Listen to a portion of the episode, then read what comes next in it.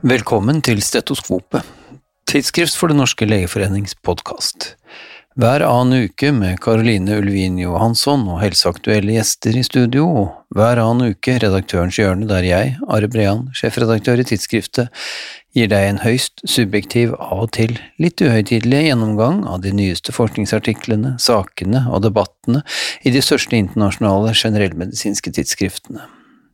I dette siste redaktørens hjørne før sommeren skal vi begynne i JAMA, Journal of the American Medical Association, der en kasus-kontrollstudie har sett på hvorvidt tidligere vaksinering med Pfizer-Biontech-vaksinen hos barn og unge beskytter mot omikron-varianten av SARS-CoV-2. Tidligere observasjonsstudier hos voksne har konkludert med at vaksineeffekten avtar ganske raskt, og raskere mot omikron-varianten enn mot de tidligere varianter.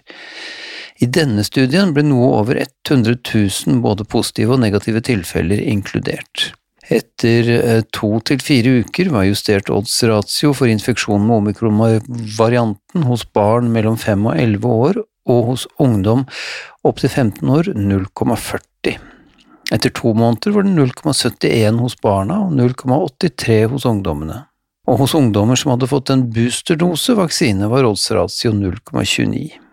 Vaksineeffekten mot omikron-varianten var med andre ord bare middels god, den avtok dessuten ganske raskt, mens effekten økte med en boosterdose hos ungdommene. Studien har en rekke svakheter, som forfatterne selv også påpeker, men resultatene stemmer godt overens med den observerte raske økningen i infeksjoner med omikron-varianten vi nå ser i mange land.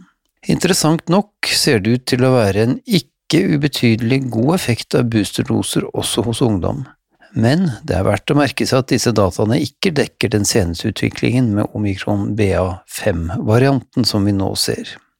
En stor studie nylig publisert i New England Journal of Medicine har sett på noe av det samme, men her i alle aldersgrupper. Eh, stedet for denne studien er Qatar, og designet er, som i den studien vi nettopp snakket om, også her en testnegativ kasus-kontrollstudie og formålet var å undersøke beskyttelsen mot omikron-variant BA1 og 2 av henholdsvis naturlig immunitet, vaksinering og begge deler. For å gjøre en lang historie veldig kort var beskyttelsen av tidligere infeksjon alene, altså naturlig immunitet, 46% Effektiviteten av to doser Pfizer-Biontech-vaksinen var null, altså ingenting, men her hadde alle mottatt siste vaksinedose mer enn seks måneder før kontrolltidspunktet. Effektiviteten av tre doser vaksine uten tidligere infeksjon var 52% og aller best beskyttelse ga tre vaksinedoser kombinert med tidligere infeksjon. En slik kombinasjon ga hele 77% beskyttelse. Både naturlig immunitet alene og alle varianter av vaksinehyppighet ga imidlertid en beskyttelse mot alvorlig sykdom og død av omikron på over 70% sammenlignet med ingen beskyttelse. Konklusivt altså best beskyttelse av kombinasjonen av tidligere infeksjon og tidligere vaksiner.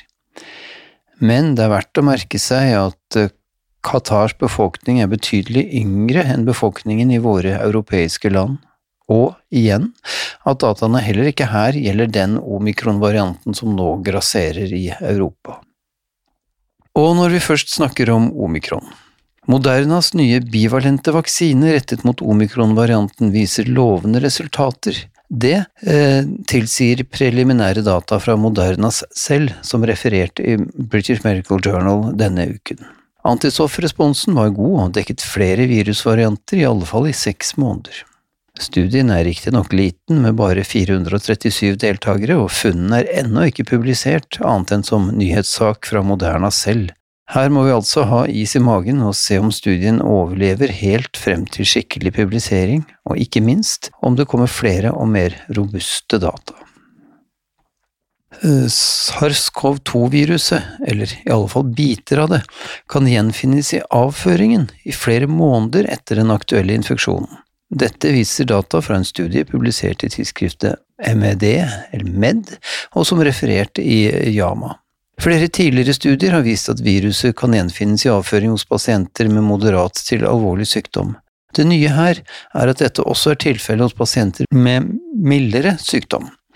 Hos studiens 113 pasienter hadde omtrent halvparten virus i avføringen én uke etter at diagnosen ble stillet, og 4% hadde SARS-CoV-2-DNA i sin avføring hele syv måneder etter diagnosetidspunktet. Spiller så det noen rolle for noe som helst? Tja, smittsomme er de nok ikke, men i denne studien var det en sammenheng mellom virus-DNA i avføringen og grad av gastrointestinale symptomer. Over til apekopper, som er tema for to lengre reportasjer i henholdsvis Annals of Internal Medicine og i The Lancet denne uken. Eh, sykdommen, som først ble beskrevet i 1958 med det første dokumenterte humane tilfellet i 1970, er endemisk i deler av Afrika. Det siste utbruddet var i Nigeria i 2017, inntil det fra mai 2020 har dukket opp i 28 land utenfor Afrika, hovedsakelig i Europa og Nord-Amerika, og der hos pasienter som ikke har vært i Afrika. The Lancet siterer en britisk professor i infeksjonsmedisin og ekspert på apekopper på at det i flere tiår har vært en gradvis økning i tilfeller av apekopper i Afrika. Dette i takt med at mennesker i større grad har flyttet inn i dyrehabitater, og at kryssbeskyttelsen fra de tidligere koppevaksinasjonsprogrammene har avtatt. Til sammen har dette gitt optimale forhold for et utbrudd som så kunne spre seg. Sannsynligvis er utviklingen også hjulpet av at hiv-viruset har spredd seg i Afrika og gitt immunsvikt, som i sin tur har fasilitert infeksjon med apekopper. Dødeligheten av apekopper varierer med type. Kongo-varianten har opptil 10% dødelighet, mens den vestafrikanske varianten har omtrent 1% dødelighet. Det er uklart hva som egentlig er forskjellen på disse to variantene, men heldigvis er det den sistnevnte, altså den med lavest dødelighet, som ser ut til å stå bak det utbruddet vi nå ser. Faktisk er det, ifølge Lancet-artikkelen, aldri rapportert dødsfall av apekopper utenfor Afrika. Symptomene så langt har vært relativt milde og selvbegrensende og har nesten utelukkende vært hos menn som har sex med menn. I England er det for eksempel per 8. juni i år meldt 320 tilfeller av apekopper, hvorav minst 311 hos menn. Dette står det mer om i en nyhetsartikkel publisert i tidsskriftet Science den 20. juni. For hvorfor er det så mange tilfeller i gruppen med menn som har sex med menn? Forklaringene spriker, men flere peker på at dette ofte er tette nettverk som er forbundet gjennom nettopp fysisk kontakt som jo er en forutsetning for at dette viruset skal spre seg. En nylig preprint, en modelleringsstudie fra London School of Hygiene and Tropical Medicine, støtter denne teorien, og postulerer at utbruddet vil fortsette å vokse raskt om det ikke stoppes. Det er en oppgave som ikke nødvendigvis er så enkel, også fordi mange naturlig nok er redde for å stigmatisere ytterligere en allerede utsatt gruppe. Og så er det spørsmålet om noe har skjedd med viruset, for eksempel en virusmutasjon, og som kan gi årsak til den bølgen vi nå ser. Nja, det er det neppe, sier The Lancets kilder. Apekopper er et DNA-virus, og som sådan mer stabilt og mindre utsatt for mutasjoner enn RNA-virus som SARS-CoV-2 og influensa og foreløpig er det ingen indikasjoner på at dette er noe annet enn en tilfeldig spredning, men altså muliggjort av et gradvis økende antall tilfeller i Afrika gjennom flere år. Og hva nå for apekoppeutbruddet videre fremover?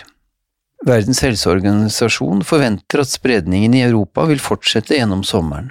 En vaksine og et antiviralt medikament er nylig godkjent av det amerikanske FDA, Vaksinen kan være effektiv om den gis i opptil 14 dager etter viruseksponering, men ideelt sett innen maksimalt fire dager.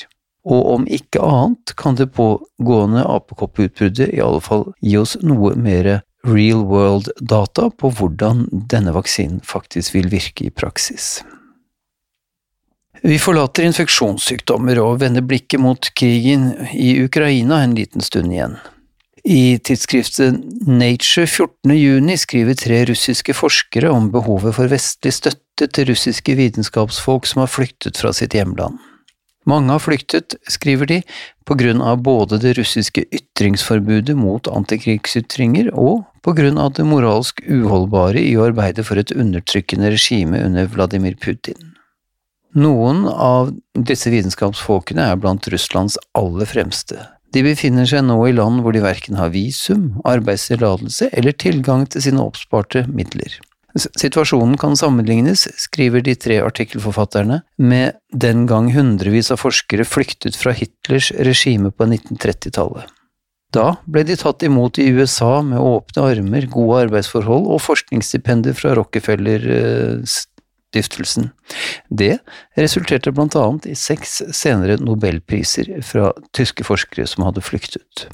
Lignende tiltak som den gang bør nå settes i verk av det internasjonale samfunnet for å ta vare på russiske forskningsflyktninger og deres ressurser.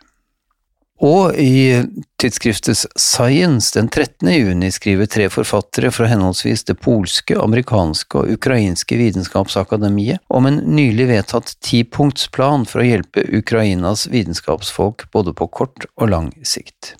Den russiske krigsmaskinen ødelegger forskningsinfrastrukturen i Ukraina i stor og sannsynligvis systematisk stil, alt for å knekke den ukrainske nasjonen. I Kharkiv, for eksempel, har det internasjonalt anerkjente Instituttet for fysikk og teknologi og dets nybygde kjernefysiske anlegg for nøytronkilder blitt tungt bombet, og Planteforskningsinstituttet med et av verdens største nasjonale frøbanker har også blitt bombet og ved atomlaboratoriene i Tsjernobyl har russiske styrker plyndret og ødelagt hundrevis av datamaskiner, strålingsdosimetere og annen uerstattelig programvare og utstyr. De tre vitenskapsakademiene oppfordrer vitenskapsakademier i alle land til å gå sammen for å sikre at internasjonal hjelp til Ukraina ikke bare dreier seg om å gjenoppbygge jernbane, veier, helsevesen og lignende, men også essensiell infrastruktur knyttet til forskning. Vi skal over til siste nummer av British Medical Journal. Det er en rekke artikler, alle på ulikt vis, problematiserer vår moderne medisins tendens til overmedikalisering. En av de mest interessante er skrevet av eh, BMJs tidligere sjefredaktør Richard Smith, som i en artikkel med den megetsigende tittelen Døden og den falske kontrakten mellom leger og pasienter tar utgangspunkt i nettopp døden.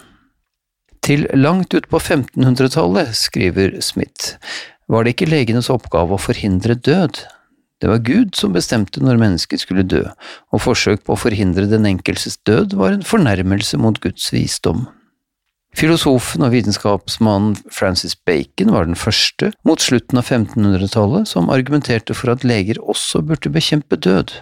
Men først med det tyvende århundre kom de medisinske mulighetene til å gjøre akkurat det i særlig utstrekning. Og siden den gang har bekjempelse av død vært ansett som viktigere og mer høyverdig enn bekjempelse av lidelse i medisinen. Et eksempel på det, skriver Smith, er hvordan sykdommer som kreft og hjerte-kar-sykdommer konsekvent tiltrekker seg mer forskningsmidler av høyere prestisje enn sykdommer preget mer av lidelse enn av død, så som for eksempel depresjoner, hudsykdommer og muskel-skjelettlidelser. På samme måte ironisk nok, tiltrekker den grenen av medisinen som mest av alt beskjeftiger seg med døden, nemlig palliativ medisin, svært lite ressurser og forskningsmidler. Det kan forklares med at palliativ medisin først og fremst handler om å akseptere døden, ikke om å bekjempe den, fortsatt ifølge Richard Smith. Og slik får vi paradokser som den den nylige The Lancet Commission påpekte, nemlig at 10% av de totale utgiftene til helse brukes på den ene prosenten av innbyggere som dør det samme året. Flere artikler i BMJ denne uken problematiserer hormonell behandling av overgangsalderen hos kvinner. Fire gynekologer fra henholdsvis England, USA og Australia skriver i en analyseartikkel at overgangsalderen er en helt naturlig hendelse for halvparten av jordens befolkning, men at sosialt og kulturelt betingede holdninger sammen med medikalisering av overgangsalderen bidrar til de negative oppfatningene av den. Overgangsalderen rommer en svært stor spennvidde av opplevelser og erfaringer, positive som negative, skriver de. Men med medikaliseringen tenderer vi til kun å vektlegge de negative. Dermed tvinges denne naturlige fasen av livet inn i en trang sykdomsdefinisjon hvor den ikke hører hjemme. Tvert imot fører medikaliseringen til at kvinner får negative forventninger til overgangsalderen, noe noe som i seg selv gjør at de negative opplevelsene får større plass. I en korresponderende lederartikkel også i BMJ tar Haitam Hamoda og Sara Moger et noe annet utgangspunkt.